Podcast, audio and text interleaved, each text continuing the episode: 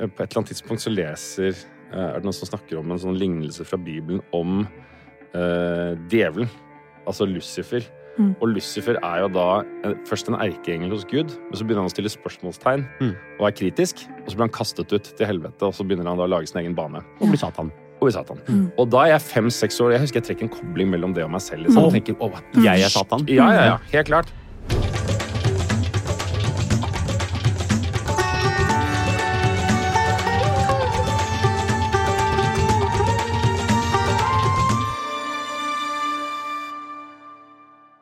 Hei, jeg heter Abid Raja. Og jeg heter Nadia Ansar. Du, Nadia. Vi to kjenner hverandre jo veldig godt. Vi har jo faktisk vært gift i over 20 år. Og det er først nå vi har funnet ut at vi skal lage podkast sammen. Og den skal handle om følelser. Ja, og hvorfor akkurat om det? Lurer du faktisk på det, Abid? Nei, du, egentlig ikke. Jeg, jeg dreiv egentlig bare og tenkte på hvordan vi skulle lage en sånn fin overgang til de som hører på. Eh, Jeg tror folk har fått med seg at vi er jo litt mer enn gjennomsnitt opptatt av å snakke om følelser. Derfor skal vi invitere forskjellige mennesker som vi er nysgjerrige på, til å komme hit og snakke åpent om følelsene sine. Målet er jo sammen bli flinkere til å både gjenkjenne og håndtere både egne og andres følelser. Rett og slett gjøre både Norge og verden til et mer følelsesvennlig sted. Det er litt av et eh, verdensprosjekt, altså. Ja. Skal vi bare sette i gang, eller? Ja, la oss gjøre det. Denne podkasten er laget i samarbeid med Apotek 1, som akkurat som oss er opptatt av kunnskap, erfaring og omsorg.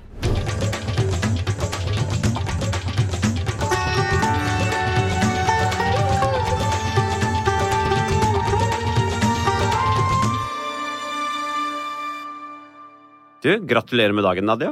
Eh, har vi noe eh, å feire? Ja, altså eh, Sist helg så fylte jo vi faktisk et helt år uh, siden vi begynte å trene sammen.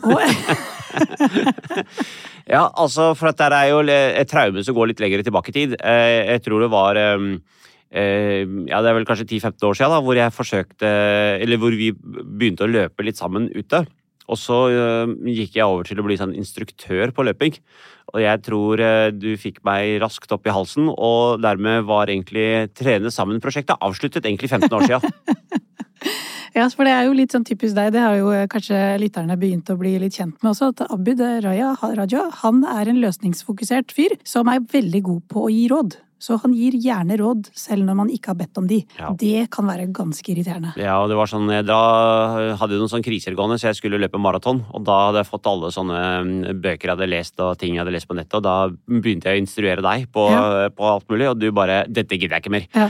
Så det var litt synd, for jeg, jeg syns det var litt gøy å være ute og løpe med deg, for du har en sånn kul løpestil. Aha. Ja. Jeg, Eh, sy jeg syns du løper som et dådyr. det er veldig elegant.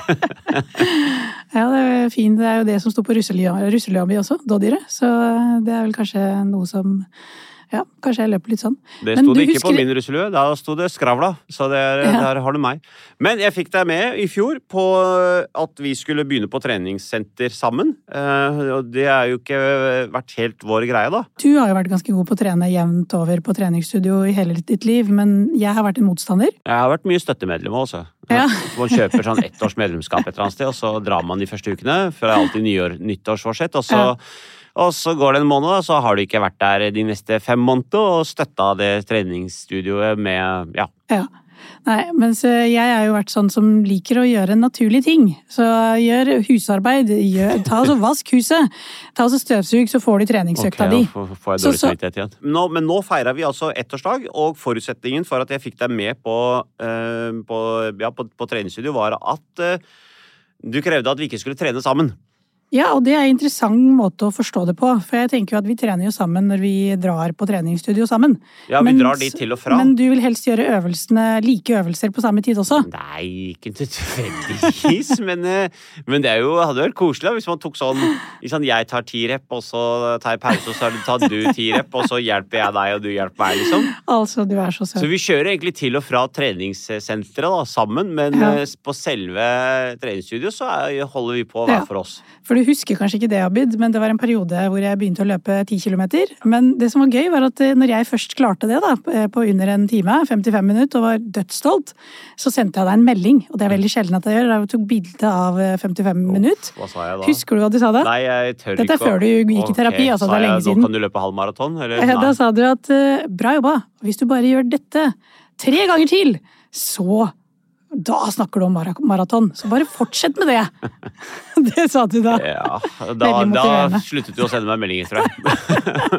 Men nå har vi faktisk vært eh, ikke støttemedlemmer av dette treningsstudioet. Vi har klart å dra dit eh, jevnt. Jeg vet ikke om det er eh, om det er ja, I hvert fall én gang i uka har vi jo klart å være der eh, gjennom hele siste året, med mindre vi har vært på ferie. Ja. Og det tenker jeg det, det har vært en ganske god investering. Så jeg har fått ganske bra tid med deg til og fra treningsstudio, og så har jeg kunnet også se deg innimellom mens du har vært på treningsstudio, selv om du har vært litt på avstand, da. Ja. Men nå, Nadia, nå må vi rett og slett gjøre oss klare for å ta imot ukas gjest, Odd Magnus Williamson.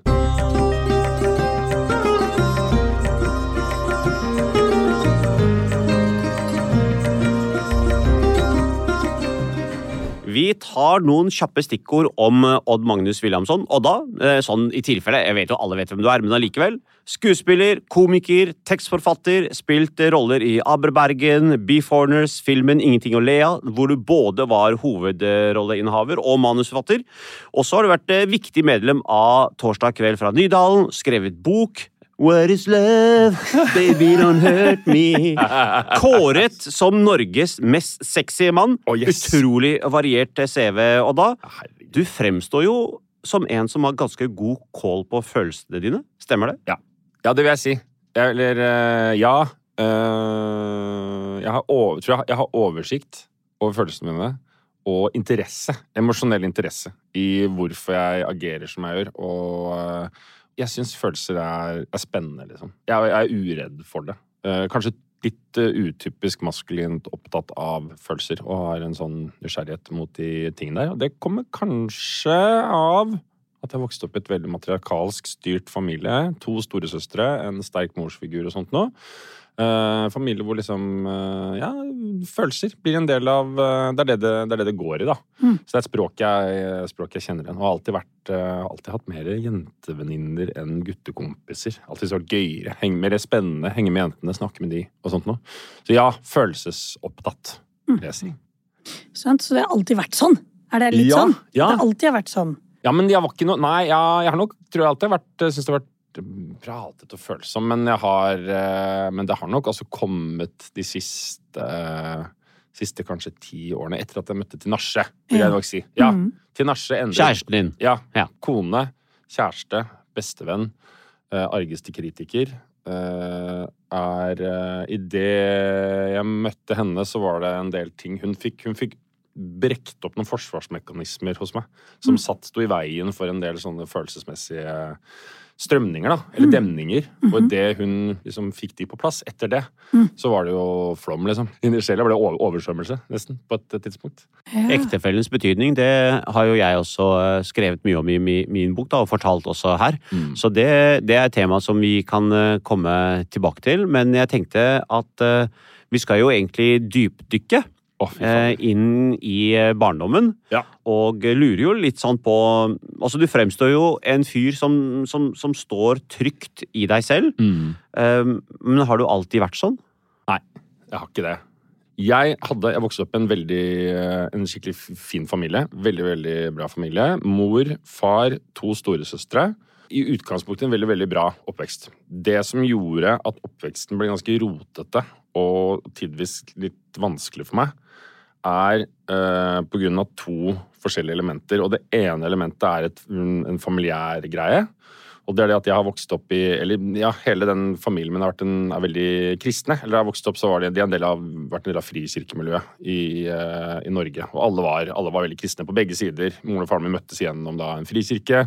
Så alt av besteforeldre og sånt nå er veldig religiøst eh, orientert, da.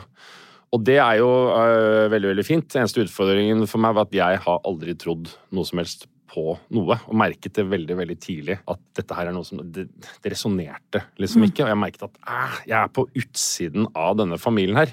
det, den, den, orienteringen rundt troen som jeg opplevde at de hadde veldig, var alt noe som jeg bare følte meg veldig distansert og, og langt utenfor. da. Og mm. det, det satte nok i gang en følelse hos meg som jeg, jeg klarte å identifisere den i voksen alder hvor den følelsen handlet om at jeg følte at jeg ikke var god nok for familien min. Siden alle de var så orientert rundt det og hadde så store opplevelser rundt det kristne og var en del av det kristne miljøet og sånt nå, og jeg aldri helt klarte liksom eh, connecte til det, så følte jeg at shit, kanskje jeg ikke hører hjemme i denne mm. familien. Kanskje jeg egentlig ikke har liksom en sånn retten din tilhørighet. Mm. Så jeg hadde nok en sånn Jeg hadde en følelse av en ensomhet i familien min, eh, i en veldig, veldig, veldig fin familie. Som jeg gikk og bar veldig mye på, følte meg ganske mye alene. Og at jeg eh, ikke helt klarte å sette ord på de tingene. Jeg tror mammaen min også var, liksom, skjønte at det var noe som ikke var helt riktig, men hun fikk vel ikke helt tak i det. Mm. Så jeg gikk med mye ensomhetsfølelse der. Og så hadde jeg på Det andre elementet er det at jeg hadde på skolen så sleit jeg veldig med, noe, med en form for læringsvansker som kalles for lavt visuospatielt minne. Ok, det må du forklare. ja, det er rett og slett uh, det at du har problemer med å memorere ting du tar inn visuelt. Mm. Skolen for meg, for å lage en slags metafor på det, føltes som at jeg i ti år gikk på friidrett mm. hver eneste dag og tapte i alle grener. Hele, hele tiden. Oh, og det eneste jeg var god i Du kan sette ta den algorien her. Da, at du tenker at du tar en kid som du tar på friidrett, og så lar du den gå på friidrett i ti år og taper i absolutt hver eneste gren. Mm. Og det eneste den kiden er god til, er å skate, eller i mitt mm. tilfelle å være morsom. Mm. Og hvis du gjør det, så straffes du for det. Så mm. hver gang jeg prøvde å bruke mine skills som handlet om å være morsom eller ha en artig replikk, eller skape noe mm. sånt nå, så var det liksom ut på gangen, eller straff, eller melding med hjem, ah. eller få stempel som liksom bråkmaker og, og mm. troublemaker. da. Så det var liksom en sånn Det ble så Det føltes så komplisert fordi jeg da jeg hadde den biten på skolen, og så hjemme var det en følelse av liksom ensomhet, så jeg fant ikke helt noen sånn arenaer hvor jeg fikk bygd opp uh, selvbildet mitt. Mm. Og så tror jeg nok at uh, Og så kom ungdomsårene, masse trøbbel, liksom begynte å orientere seg mot kriminell virksomhet og hadde mye dårlige venner og sånt nå. Mm -hmm. Og så uh, mye kjeft og mye skuffelse hjemme, uh, og masse elementer som jeg ikke gidder å prate om akkurat her. Men i hvert fall på et tidspunkt så merka jeg bare sånn at fader, jeg får ikke til livet. Og så mm. hadde jeg en sånn skikkelig sånn Jeg var så lei av å være loser. Mm. Og så tror jeg at det var et eller annet inni meg som bestemte meg for det at den, den unge, håpefulle liksom, gutten med masse følelser og en sånn naivitet, han dør nå. Han er mm. borte. Mm. Litt sånn nesten sånn Gollum, uh, Smiagol, Ringenes herre-aktig. At det er en mm. sånn derre Den sterke uh, og, og, ikke følelsesorienterte må vinne for at vi skal klare å overleve. Og det var nok helt riktig også. Mm. Så hvis jeg ikke hadde hatt den liksom endringen, så hadde jeg nok blitt rævkjørt, liksom. Det var et valg at det er sånn You gotta be tough. Mm. Du må liksom komme deg opp, og det er den eneste måten å overleve på. Mm.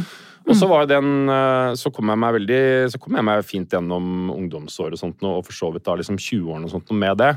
Men det som ble en utfordring for meg senere i livet, var det at når jeg begynte å møte jenter og inngikk eh, forhold og sånt noe, så hadde jeg nok et såpass liksom Hva skal jeg si for noe? Kanskje ikke et helt ødelagt selvbilde, men i hvert fall et såpass rotete selvbilde at jeg ikke greide å få til den, altså kjærlighetsrelasjoner. Mm. Så at jeg, ble, jeg kunne bli forelska og kunne være sammen med noen i halvannet år, eller et eller annet sånt, men så gikk når da forelskelsen gikk over, så ble det ikke knyttet noe mer sjelelig connection til det mennesket som mm -hmm. da må til når forelskelsen er over. Mm. Så da blir da fort forelskelse bare til vennskap. ikke sant? Og så har jeg mhm. prøvd det liksom gang på gang på gang, følte at jeg ikke fikk til kjærligheten, fikk ikke til forhold. Og så kom jeg på et tidspunkt jeg var så lei av å både liksom øh, Hva skal jeg si for noe? Ja, ikke få det til, da. Tenkte jeg nå orker jeg ikke mer. Nå gir jeg opp kjærligheten. Nå er jeg, sånn, jeg, skal, jeg skal aldri bli sammen med noen igjen. Jeg, jeg skal være singel og solo, og det tror jeg er det som funker. Mm. Men så møter jeg Tinashe. Og så er det et nytt kapittel.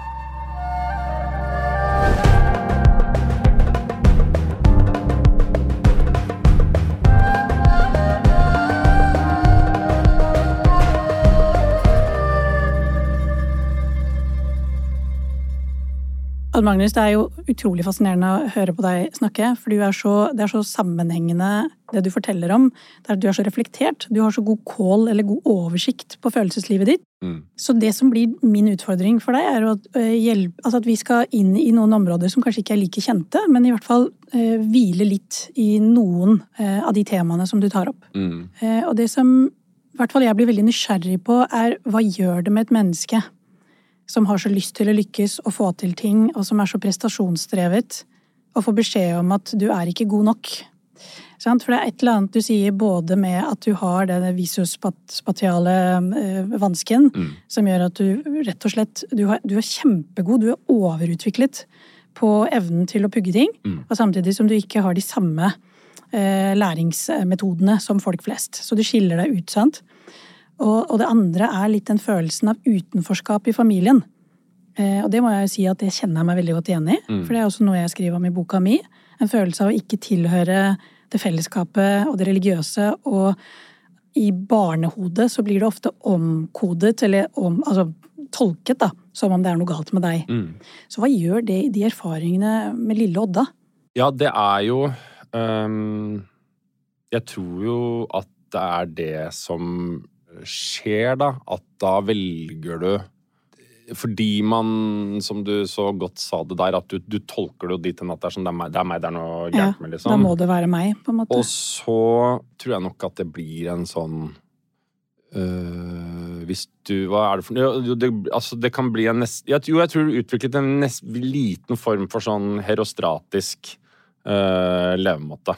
Hva er det? Nei, at du er øhm, Det som man sier at alle mennesker vil ha kjærlighet, og får du ikke det, så vil du ha respekt, og får du ikke mm. respekt, så vil du bli fryktet eller hatet. Mhm. At det utviklet en sånn Det skapte en uh, en aggressiv versjon Mhm.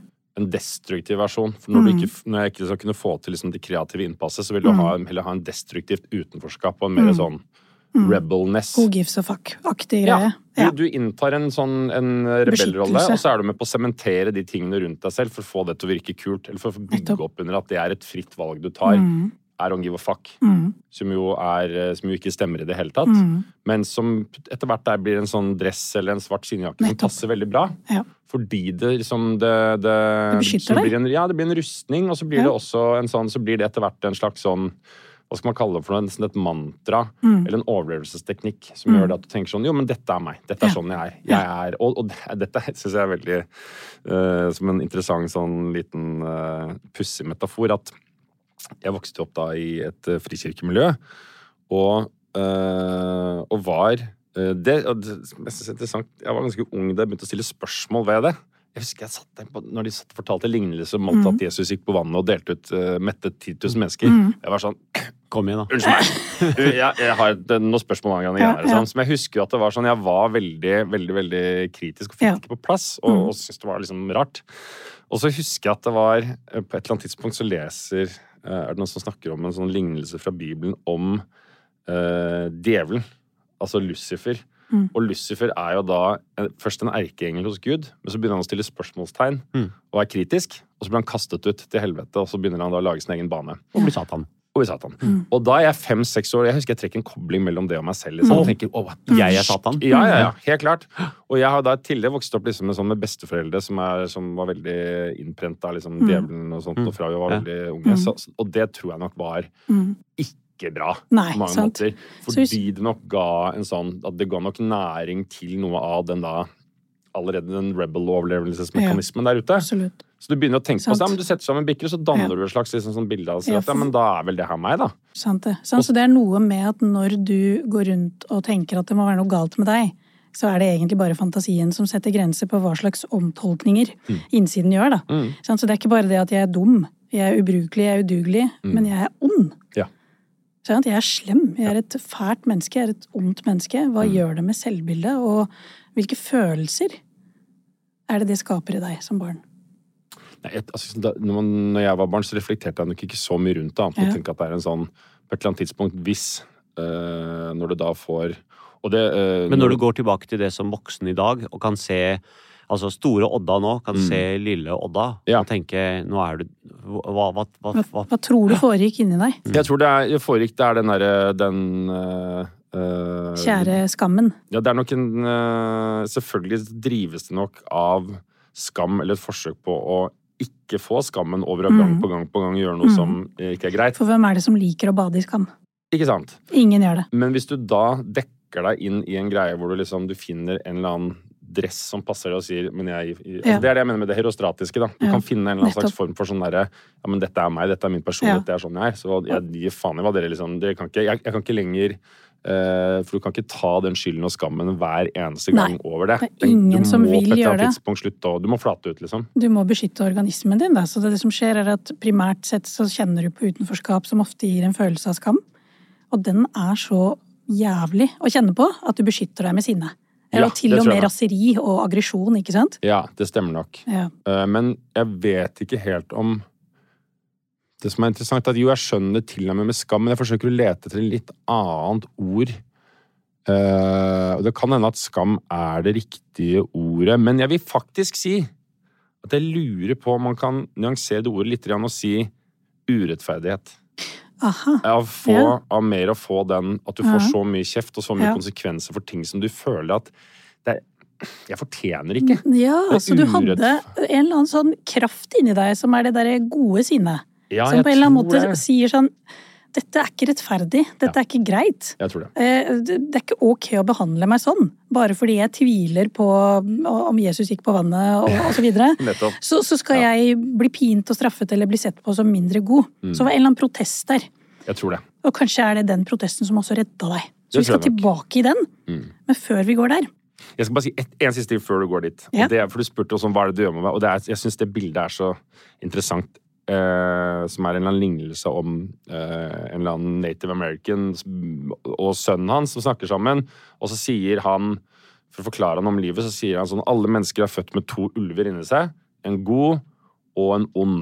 Og det er alltid en kamp mellom disse to. Hvem vi liksom eh, Hvem vi blir. Og så spør han sønnen ja, men hvem, hvordan vet man liksom hvem som Hvem er det som vinner? Og så svarer han den du mater. Mm. Og mater du den gode ulven, så blir du god. Hvis du Ja. mater den onde ulven, så blir du liksom slem. Sånn Ja. er jo på en måte den banale greia på det. Det er på en måte banalt, men samtidig så Du pinpointer noe av det som er den mest smertefulle, intense indre konflikten som alle mennesker går rundt med. Mm. Så vi skal inn i den. Mm. Men vi skal vente litt med det, for det det er så spennende å snakke med deg. Og det er så mange digresjoner jeg får i hodet.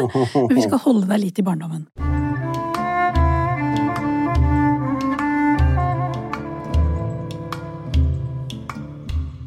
Det jeg blir veldig nysgjerrig på, det er Odda som strever med en eller annen følelse av å ikke føle seg god nok. Mm.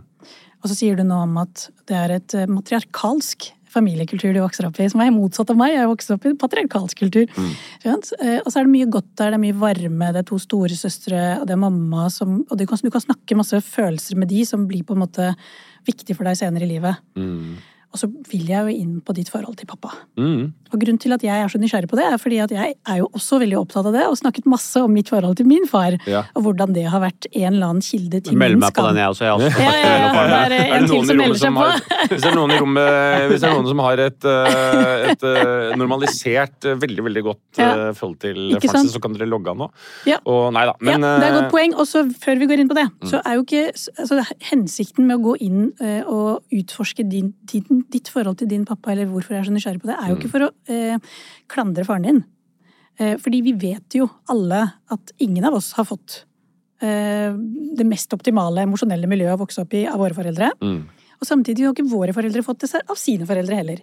Så, så det er ikke noe poeng i å på en måte legge skitt- skittbøtta der, men det er fortsatt veldig viktig å utforske hva det gjorde med deg, Mm. eh, og ditt forhold til dine følelser. Ja. Så hvordan var det for deg å oppleve at du ikke mestret skolen godt nok eh, i forhold til faren din? Hvordan var det han møtte deg på det? Um, jeg tror alltid at min mor har vært den mest Altså den omsorgspersonen som var mest Hva skal man si for noe? Mest uh, dominerende høres som så altså litt sånn negativt ut, men den som hadde mest uh, autoritet, og som jeg kanskje hadde mest uh, connection til på de tingene. Sånn at jeg jeg,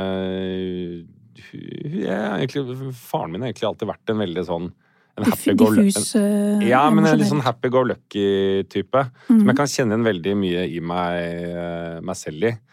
Eh, som har eh, Som egentlig som har vært en 100% tilstedeværende type. Som alltid har liksom vært der. Men jeg tror nok at uh, At det var vanskelig, og det skal jeg si også fordi uh, Og dette er jo litt sånn fint, da. At du blir voksen den dagen du klarer å se foreldrene dine i et mildere lys. Det du kan begynne å forstå.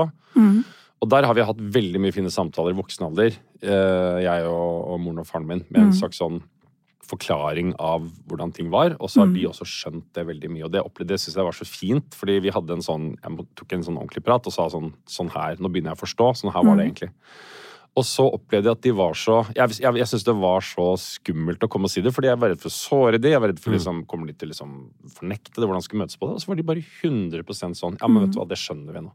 Hadde, og som moren min sier eh, Derfor jeg, jeg, jeg har ikke glemt tråden og spørsmålet. Nei. Mens det er litt sånn Uh, Faren min har alltid vært 100% til stede, men det er egentlig det er moren min som har vært mest liksom, den oppdragerrollen. på et vis. Det er hun jeg har mest bilder av fra den tiden. Jeg og fatter'n hadde egentlig stort sett bare sånn koselig og gøy sammen. Og gjorde, dro på kino og hadde det hyggelig. Sant. Og det er liksom, det er interessant, liksom, for det du reflekterer rundt, er at når vi på en måte vokser opp, og særlig du som har vært veldig åpen om at du har gått masse i terapi, og oppsøkt hjelp, og tatt eh, dine følelser på alvor, reflektert veldig mye rundt det, og også utfordra og konfrontert foreldrene dine i voksen alder om det som du nå skjønner kan ha vært problematisk for deg som barn. Mm. Og da blir du møtt på det veldig godt, sier du. ikke sant? At det er på en måte legende og veldig godt å kjenne at man kan komme nære foreldrene sine som voksen. Mm. Og samtidig så visker du ikke bort din barndom, din opplevelse av hvordan det var å ikke få det. Mm. Så, så hvis du, for det er jo, Nå utfordrer jeg deg veldig, og det er jo fordi at du er så god på dette her. Ja, Så jeg vet at det er gøy å utfordre en kar som er så god på følelser. Ja.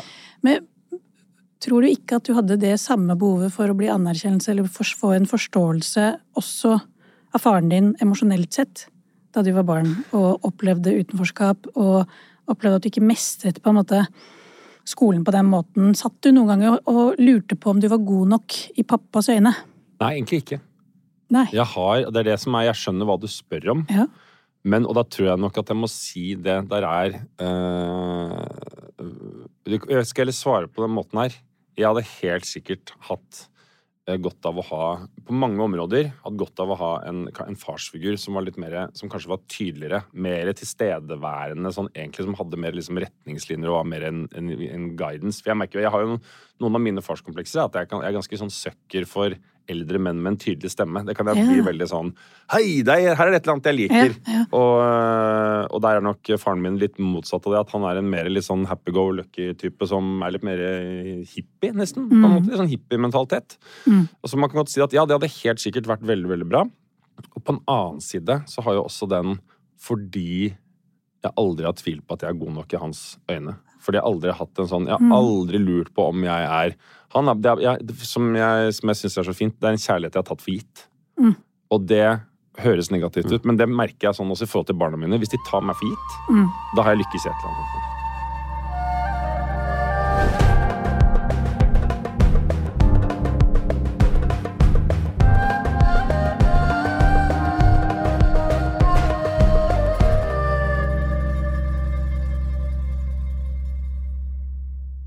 Vi har jo en sponsor i podkasten, Og ikke en hvilken som helst sponsor. Vi har nemlig fått med oss Apotek 1 på laget. Og det er vi skikkelig stolte av. Det er jo en eh, helt perfekt samarbeidspartner for oss. Ja, de er opptatt av veldig mange av de samme tingene som oss, som eksempel åpenhet og det å ufarliggjøre det som er flaut eller tabubelagt. Kort og godt å vise omsorg. Og at fysisk og psykisk helse, det henger jo sammen. Nettopp. Og det er jo akkurat det vi jobber for i i denne podkasten også. Det er godt for helsa å snakke åpent om følelser. Og nettopp derfor er denne podkasten laget i samarbeid med Apotek 1.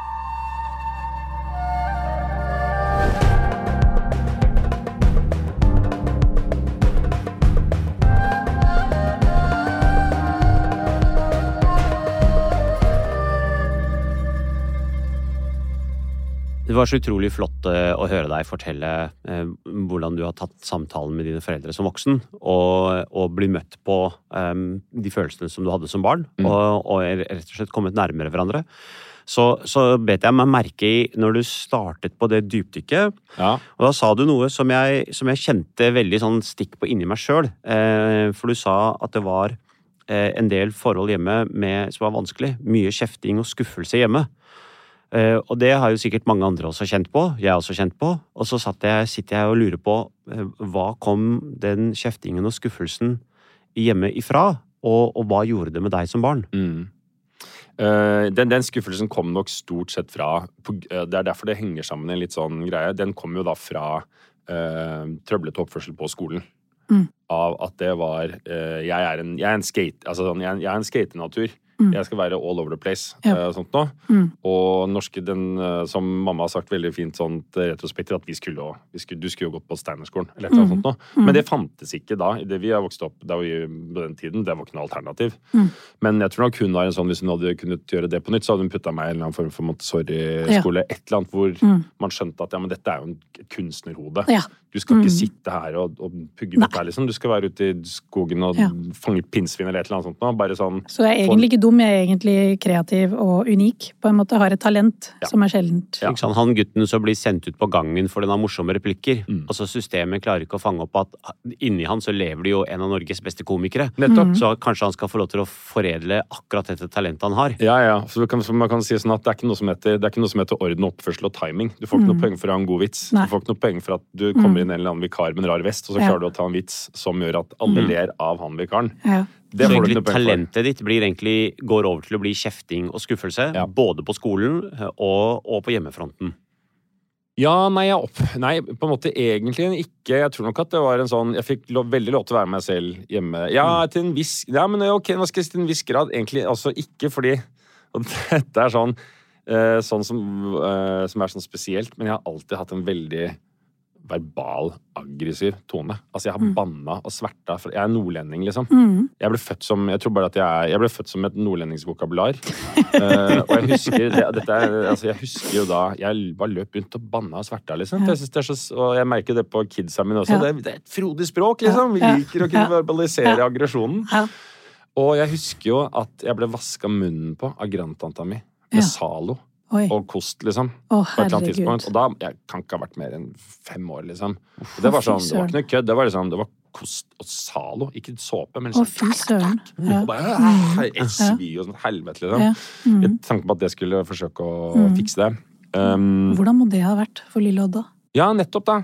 Og det, det som da er, altså sånn, Den isolerte hendelsen har ikke hatt noe å si. Mm. Men i det store bildet som handler om at de kvalitetene, det som jeg nå lever av, som Ja. handler om at jeg kan stå på en scene og være verbalt aggressiv, vitser, den, det er på en måte min natur, da. Ja.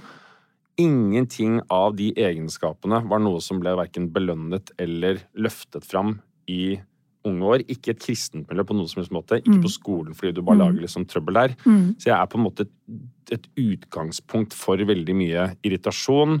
Eh, som, jeg, som jeg skjønner og rent objektivt på det. Mm. Og så skapte jo all det når det er melding hjem hele tiden, bare bekymringsmelding. Ja, men det er bare Mm. bråk og bråk og bråk. og bråk. Så blir jo selvfølgelig på hjemmebane som foreldre, som jeg også hadde gjort, liksom. Ja. Du blir jo potte faen sur Ja. på den kiden her. Men kan Ja. du ikke bare se til helvete og skjerpe deg, liksom? Ja, ja. Og, Og så blir um, kanskje foreldre også litt bekymra, og, og så istedenfor at man er kanskje emosjonelt bekymret, blir heller da heller sånn stadfestende og litt sånn du må skjerpe deg bekymra. Ja, selvfølgelig. Men der er jo også, jeg vet jo at uh, mutter'n hadde mye samtaler med skolen og sånt nå. Ja. Med en litt sånn, ja, men det må da være mulig at dere Mm. kan Det kan ikke det er ikke bare hans skyld. Mm. Så hun, var jo, hun hadde jo en kamp med skolesystemet, Ja. også. På et forsøk på å finne Mm. en eller annen måte. Så hun var veldig, veldig Sånn, til så det sånn er et eller annet med at du Jeg hører i hvert fall at du har kjent på ekte ubetinget kjærlighet av foreldrene dine. 100%. Som en, som en styrke. Ja. Og så reflekterer du rundt hvordan det er å fortsatt leve i et veldig religiøst samfunn. Eh, som har visse krav og forventninger til hvordan du skal oppføre deg, hva som er ok og hva som ikke er ok. Mm. Og samtidig som du har også kjent på hvordan det er å ikke mestre skolearenaen, som har ganske mange tydelige rammer og forventninger til hvordan du skal være. Mm. Så det er klart at det alene er jo nok for å gi grobunn for en eller annen sånn opplevelse av at det er noe galt. Ja.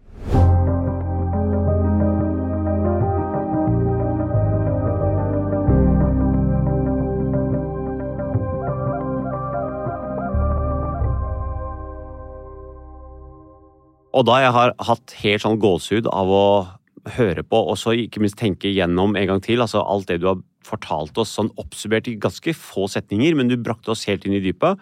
Men jeg tenker jo det barnet som vi har hørt om, hvordan Odda var, han blir jo nå også voksen. Vi Mm. kjenner jo han bare som voksen. Eh, Og, og hvordan går dette barnet til å bli et eh, godt menneske som voksen og den personen du er i dag?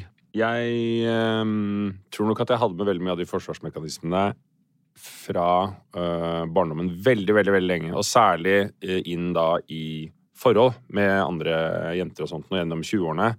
Og sleit med dette her at jeg hadde masse kjæresteforhold og sånt nå, men møtte masse fantastiske jenter. men eh, og ble ordentlig forelska, men idet forelskelsen var over, så var det ikke noe mer sånn sjelelig connection til å ta over. Siden Mhm. selvbildet mitt var litt sånn rotete. Så det, bare, det var så mye som, som bare kokte bort. Mm. Og så på et tidspunkt så tenkte jeg liksom bare faen, jeg, jeg evner ikke å elske. Jeg har Mm. ikke det. det. Det går ikke. Jeg kan ikke, jeg kan ikke elske. Men du treffer noen til slutt. Ja, for da plutselig, det jeg egentlig har gitt opp, kjærligheten, så møtte jeg Tinashe. Og så er vi først uh, Først er vi to bare Jeg hun er bare Tinashe altså, supermodellen og forfatteren, og jeg kjenner jo henne, hun er en utrolig kul dame. Ja, veldig veldig sterk, bein i nesa. Veldig sterk og veldig, veldig uh, unik og fantastisk på veldig mange måter. Og så begynner vi å henge og er venner, og så henger vi ganske lenge. Men det som, er, det som jeg tror, jo, som er utypisk henne, er at hun har en annen Hun er veldig cutthroat, veldig, veldig direkte. Tidvis irriterende pisse. Faens irriterende, liksom, fordi hun er så gang rett i materie. Der hvor liksom øh, Mye nordmenn- selvhevdende sint. Ja, Ja, kan hun også, har en kanskje- kraft, ikke sant? Ja, hun har en Kan kraft, si ifra. hun er, men hun er, hun er veldig no bullshit på ting. Hun er nei. veldig sånn Cut the crap. uh, cut the crap rett på. Ja. Og der så hun veldig eh, Som jeg husker vi hadde en del konflikter både som venner og da vi ble kjærester. At hun så veldig mye av mine forsvars, klønete forsvarsmekanismer. Som for eksempel handlet om som hun, for Jeg husker på et tidspunkt da vi var ute gikk tur, og så plutselig sa hun sånn Hvorfor er du så jævla hyggelig mot folk? Mm. Og jeg bare Hæ? Mm. Hva, hva har det What, liksom? Hva er det, er det, ja. ja, men du, og så sa jeg men det er jo bra å være hyggelig. Så han ja, det er greit, du er, det er bra å være hyggelig, men du er hyggelig mot folk, og så baksnakker du de etterpå. Ja. Det er jævla falsk. Mm.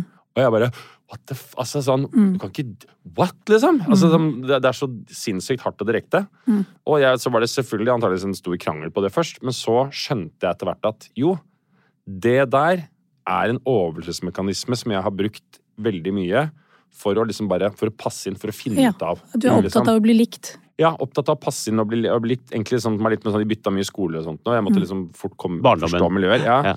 Eh, Så jeg hadde med meg en sånn en klønete sosialiseringsmåte som gikk på det at sånn Jeg visste altså sånn, bare være litt sånn hyggelig pleaser, bli likt. Mm. Så, og så var det hun som klarte å være sånn Ja, men du må skjønne det at når du holder på med det, så Mm. er det en sånn Det er en falskhet som ligger utenpå, som, som fjerner liksom integriteten din. Og så hjalp hun meg å skjønne det på plass og få på plass det at du trenger ikke å være så jævlig hyggelig, du holder å bare være deg. Mm. Og så tok hun meg på en del sånne andre ting også som jo var helt forferdelig vondt, for hun gikk jo rett inn i beinet og Mm. bare Det der må du slutte med, liksom. Kutte de tingene der. Og så føltes det jo helt forferdelig, men det som skjedde, var jo at ved å slutte med en del sånne ting, så kom plutselig min integritet ordentlig fram.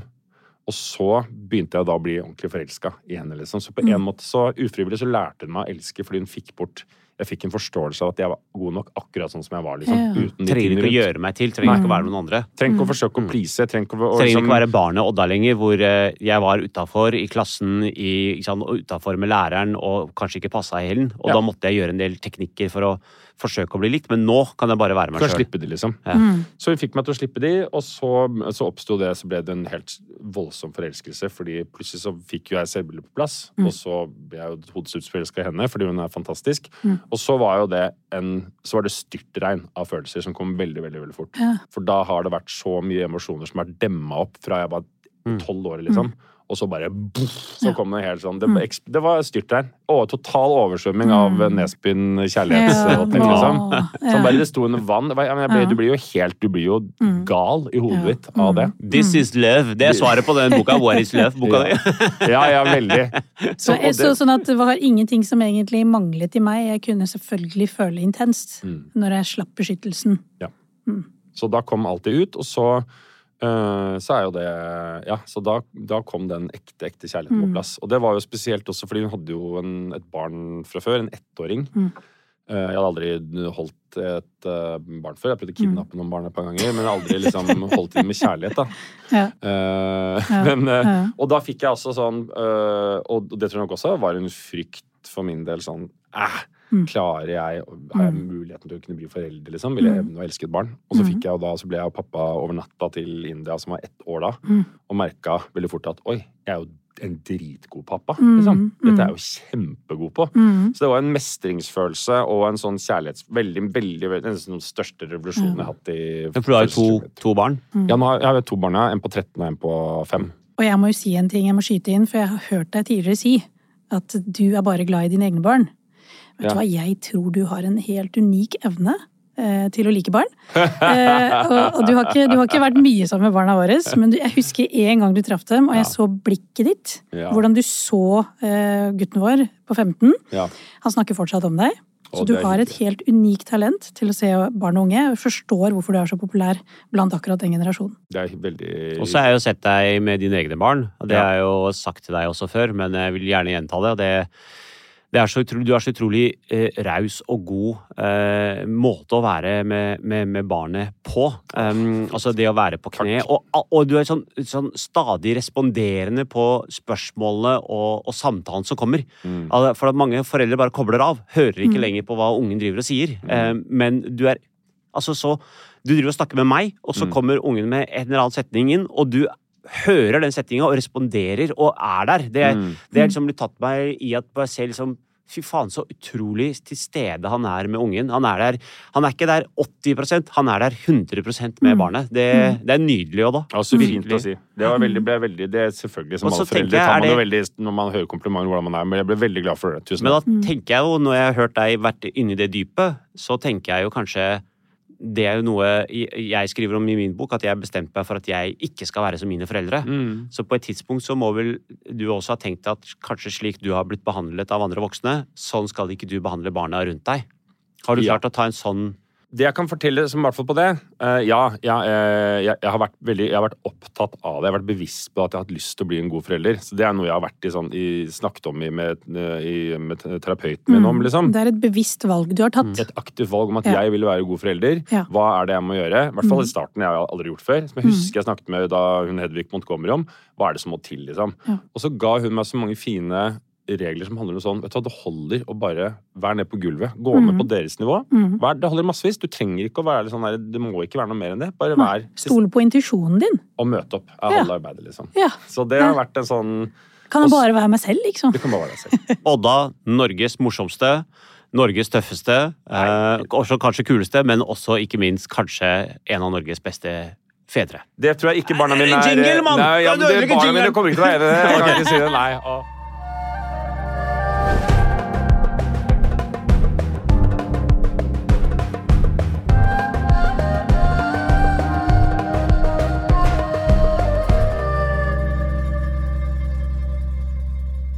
Og da, nå har du en kortstokk foran deg. Ja. Eh, Den består av mange ulike spørsmål som kan handle om en eller annen følelse. Gjerne en litt flau følelse. Okay. Så eh, er det bare å trekke et lodd, Ja, eh, og så se hvordan det går. jeg er veldig spent. Nadia. Lese det høyt, og så si det første du kom på. Her står det 'Vil du suge faren din eller sleike mora di?' Det hadde jeg ikke sett for meg. Nei, det har ikke vi skrevet! Nei, nei. Hva er det her for noe? Nei, nei, nei. Les også Men svaret er helt da da trodde jeg, trodde jeg faktisk det sto der. Men svaret er Jeg ville hatt begge to en slags kom. Jeg vil ikke gjøre forskjell på det, så begge to skulle fått, eh, de skulle fått litt av hvert. Sensur. Nei, det hva, Ok, spørsmålet er hva stjal du sist? Eh, ja, det er, jeg er jo en tyv. I Ja. min Jeg er jo Ja, ja. Jeg kjenner meg igjen. Jeg, jeg, har, jeg har tyvens eh, natur, det er det ingen tvil om. Og eh, så du kan si sånn, da jeg, eh, da jeg så den tapen av Moxnes, Ja, kjente meg godt igjen, du. ja. Kjente sånn, han, er, han har jeg sett før. Å ja, det er en av det. Så det skal han ha for. Han har bidratt til åpenhet eh, om alle de som har stjålet. Jeg syns i hvert fall det er superinteressant i, uh, i, i dragsuget av det å snakke om at det er nok veldig mange mennesker som bøffer som et kick, Ja. som har gjort det i uh, unge år, Ja. og som har altså, høye risikotagere Ja. innenfor liksom, skuespill, politikk og sånt nå. Positive høye risikotagere også, kan også ha negative risikotagere. Ja. Er du på en måte, Liker du å stå på scenen og gjøre voldsomme ting der ute, og sånt nå, så har du antakeligvis en destruktiv kraft på den, på den andre siden også. Mm. Det er- Men for å si det sånn, Ja. jeg, skal- vi skal ikke gå inn på når du stjal sist, for det kan hende det, er, det, kan være, det kan ha vært noen dager siden. Men, men, men i og med at du sier den positive risikotagere, risikotageren, at den tyven er der, Ja. altså kan du fremdeles stå i en butikk og tenke Oh yes. hvis jeg bare går Ja, ut med den, ingen kommer til å merke det. Ja, ja, ja. Ja, Så den, den, den, der, ikke- den dragningen, den er der. Å ja. Mm. Oh yes, det er som at sånn, hvis du, noen mennesker hvis de er på en høy bro, så har de følelsen av å hoppe, liksom. Mm. Ja, helt klart. Ja. Ja. Jeg husker at det var da vi eh, Da jeg vokste opp, så var det Det var ett sted Altså, jeg, bøff, jeg bøffa mye, liksom. Fordi jeg var fra lavøkonomisk familie og har vokste opp på en rik bydel. Jeg vil også ha kule ting, liksom. Jeg kan bare si jeg bøffa en del, jeg Nordstrand, sånn som meg. Ja, ja, ja. ja, ja, ja. Mm. Bøffa, du, du er sånn Det er klart du vil ha Du vil ha dyre ting som de andre Ja, rike barna har også. sminke. Mm. Og, men så husker jeg at det var et, det var et sted som var eh, Da var vi ganske unge. Det var et sted som het det var et Top Secret, som var en sånn Army-butikk Ja, ja, som lå ja, ja. ved lå, Ja, ja. Hvor var det? Tor- i, i, Torgata- der. Storgata, ja. ja. Storgata der. Hvis du stjal der, så ble du banka opp. I ba ja, Ja. det stemmer det. De tok deg med inn i bakrommet der og ga- banka liksom. deg. Ja. Hvordan, hvordan vet du det så godt, Abid? Nei, fordi at jeg, jeg drev og bøffa på den tida, og vi sa Ja. der bøffer du faen ikke. Nei. Og de hang i prøverommet så hang det um, henlagte anmeldelser av kids de hadde banka opp, men politiet hadde liksom henlagt saken bare som en sånn Du stjeler ikke her. Da tenkte jeg oh, I will. Ja, Aladdin skal stjele. nettopp. For det, du, du bannet jo Nei, nei, hjemme men- i en kristen familie, så selvfølgelig skulle Nadia, du trosse det. Nadia, Selvfølgelig. Men, ok, ja, du sa men, Jeg har aldri sett deg så engasjert som det kom igjen tilbake! Du sa jeg, Nei, jeg tenkte det skal jeg få til. Og så øh, gikk jeg vel inn der da og hadde, jeg hadde på meg noen sko. Og så spurte jeg meg for fikk prøve noen sånn militærstøvler eller et eller annet sånt. Nå. Og tok på meg de, og så gikk jeg lenger og rundt i butikken og prøvde de helt til de folk hadde glemt det. Og så gikk jeg rolig ut av butikken og løp som jeg aldri har løpt. Altså, jeg må ha løpt 60-meteren på tre sekunder. Jeg løp, Så du du altså. har klart å bøffe på Army Shop og sluppet unna med det? Top secret. Så, ja. Ja. så de eh, gutta der, nå vet dere hvor dere finner Odda. For eh, det er en dere ikke klarte å gjøre opp da, så nå har dere muligheten hvis Ja. dere tør. You have a criminal mind. I have a criminal mind. Ja. Det har jeg. Mm. Absolutt. Og den er øh, Den er du stolt av? Nei, absolutt ikke. Men det er jo noe som Uh, som er der, og som må holdes i sjakk og forstå. Men det er kanskje det jeg syns er interessant med uh, hvorfor jeg, jeg elsker å gå i terapi. Jeg elsker Mm. å gå gå til psykolog i mange, mange år. Uh, noe av det skyldes jo sånn det gjør livet bedre, men noe annet er jo det jeg, jeg elsker jeg er jo litt narsissist òg, liksom. Mm. Jeg elsker å reise inn i dette hodet og forsøke å forstå Mm. hvorfor har jeg agert og gjort alle disse ko-ko tingene jeg har Ja, hvorfor Hvorfor har jeg evnen til å gjøre dette og dette? Ja. Hvorfor er det så koko opp i nøtta her? Mm. Men ja, antageligvis, uh, som en forenkling, jeg, jeg har nok antageligvis en criminal mind. Det tror jeg. Mm. En, enk- en, jeg vet ikke om det er en riktig diagnose å Etter ti stille, år, men etter ti år i psykologi og terapi, så var det dette som ble konklusjonen. ja. da, Ja. tusen, tusen takk skal du ha for at du, at du kom til oss, og at du har delt så åpenhjertig, brakt oss inn i det vanvittige dypet. Og som vi nå skjønner, det, sinnet er ikke ferdig utforsket. Du jobber fremdeles med det, og, og den reisen der ønsker vi deg lykke til videre med. ja, det er veldig spennende. Tusen takk for at vi kom. med. En ære. Tusen takk.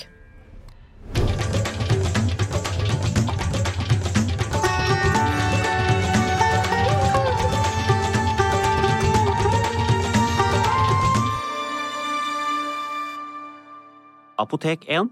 Vår kunnskap, din trygghet. Plan B.